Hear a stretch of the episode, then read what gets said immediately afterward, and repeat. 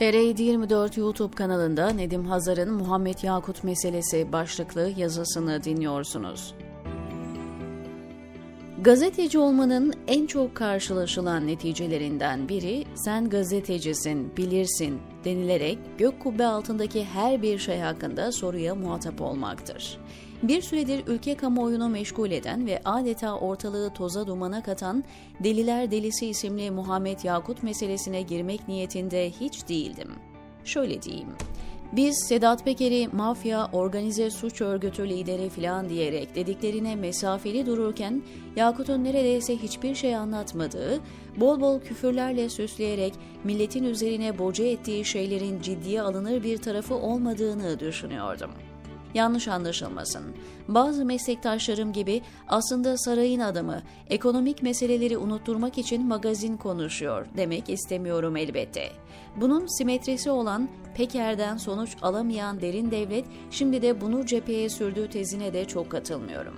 Ancak mesele düşük profilli bir yeraltı kabadayısının atıp tutmaları şeklinde izah edilecek kadar basit de değil. Yani bence meseleyi daha basite indirgersek anlaşılmasının daha kolay olacağını düşünüyorum. Bu sebeple zamanda biraz geri gitmemiz gerekiyor. Çok değil, 20 yıl filan. Bugünlerde hepsi şirinlik muskası olarak lanse edilen Ergenekoncu tayfanın, ille de Gülen cemaati olmak üzere ülkedeki tüm dindar kesimleri kendilerine birinci derece düşman ilan ettikleri dönem. Hepsini stadyumlara dolduracağız. Çoluk çocuk acımayacağız. Ağaç kabuğu kemirteceğiz, kaza oturtacağız diye estikleri vakit. Gülen ve AKP'yi bitirme planının karanlık odalarda konuşulduğu günler. Tayyip Erdoğan, 28 Şubat süreciyle beraber ulusalcıların kurdukları kirli rant düzenini bozacak adımlar atmaya başlamıştı. Bugünü ta o zamandan mı planladı yoksa gelişen şartlar mı Erdoğan'ı zalim bir canavara dönüştürdü emin değilim.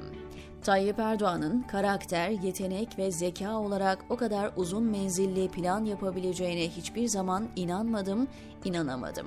Okey'e dördüncü olabilecek çapta birinin bir ülkeyi nasıl böyle esir aldığına hala aklım ermiyor ya, neyse. Günah ve suç enteresan bir sosyolojiyle gelişir. Her günah bir büyüğünü, her suç daha kötüsünü beraberinde getirir. Leke bir kez bulaştı mı insan ruhuna gittikçe yayılır ve sonunda tüm her yeri kaplar. Erdoğan'ın belediye başkanlığı döneminde başladığı ufaktan aşırmaların giderek kurumsal bir yapıya büründüğünü muhtemelen AK Parti kurucu ekibi tam olarak bilmiyordu. Elbette %10 gibi dillere düşmüş bir kötü namı vardı Erdoğan'ın ama kurucu kadroya baktığımızda aslında en çapsız ve yeteneksizin Erdoğan olduğunu görmek, onun baskın renk olamayacağı ihtimalini akla getirdiği için kimse karamsar olmadı sanırım. Sonra işlenen günahlar ve suçlar birer birer büyüdü. Hırsızlık o kadar büyüdü ki en başta yakın çevresi rahatsızlık duydu ve birer ikişer saf dışı bıraktı Erdoğan kendi arkadaşlarını. Abdülatif Şener'le başlayıp en son Mustafa Yeneroğlu'na uzanan son derece zengin bir liste oluştu. Bugün geriye bakıldığında AK Parti'nin kurucu kadrosundan Erdoğan dışında neredeyse hiç kimsenin kalmadığını görüyoruz. Sizi bilmem ama ben Binali Yıldırım'ın başına bu kadar çok trafik kazası gelmesini bile başka türlü yorumluyorum. Hele hele 15 Temmuz akşamı yaşadıklarını öğrendikten sonra ve ille de Hakan Fidan'ı şikayet etmek için saraya gittiğinde o işleri karıştırma diye azar işitmesini okuduktan sonra. Neyse uzatmayacağım. Büyüyen günahlar artık çuvala sığmayan mızraklara dönüştü. Suçlar adeta kar topu gibi büyüye büyüye öyle bir noktaya geldi ki Erdoğan suçüstü yakalandığı 17-25 operasyonlarından sonra bir canavarı özgür bıraktı. Kendine göre başka çaresi yoktu. Ergenekoncularla işbirliği yaparak cemaati dümdüz edebilmek adına ülkenin tüm dikişlerini attırdı. Aslında bu işbirliği karşılıklı çıkar işbirliğiydi. Ortaklığın iki tarafı da önce cemaati halledelim, bunları halletmek çok kolay olur düşüncesindeydi. Erdoğan TSK'yı, emniyeti, adaleti, medyayı, kısacası tüm devleti birer birer bitirdi ve 15 Temmuz'da ülkenin tabutuna son çiviyi de çaktı. Nihal Olçok mıyımı yedip geveliyor ama Erol Olçok'un sniper ateşiyle katledilmesinin bile bir tür hesaplaşma olduğunu düşünüyorum. Ülke yaklaşık 10 yıldır iki ortaklı. Bir yanda Ergenekon ya da ulusalcı veya Avrasyacı klik, diğer yanda siyasal İslamcı kimliğiyle ön plana çıkan Tayyip Erdoğan ve tarihin en büyük talancı kavmi. Ortak düşmana operasyonu büyük bir başarıyla yaptılar. CHP'sinden HDP'sine kadar tüm siyaset bu tuzağa düştü. Erdoğan'ın hikayesine hizmet etti. Kılıçdaroğlu'nun en büyük günahlarından biri yeni kapıya katılıp ülkenin diktaya gidişine payanda olmasıydı.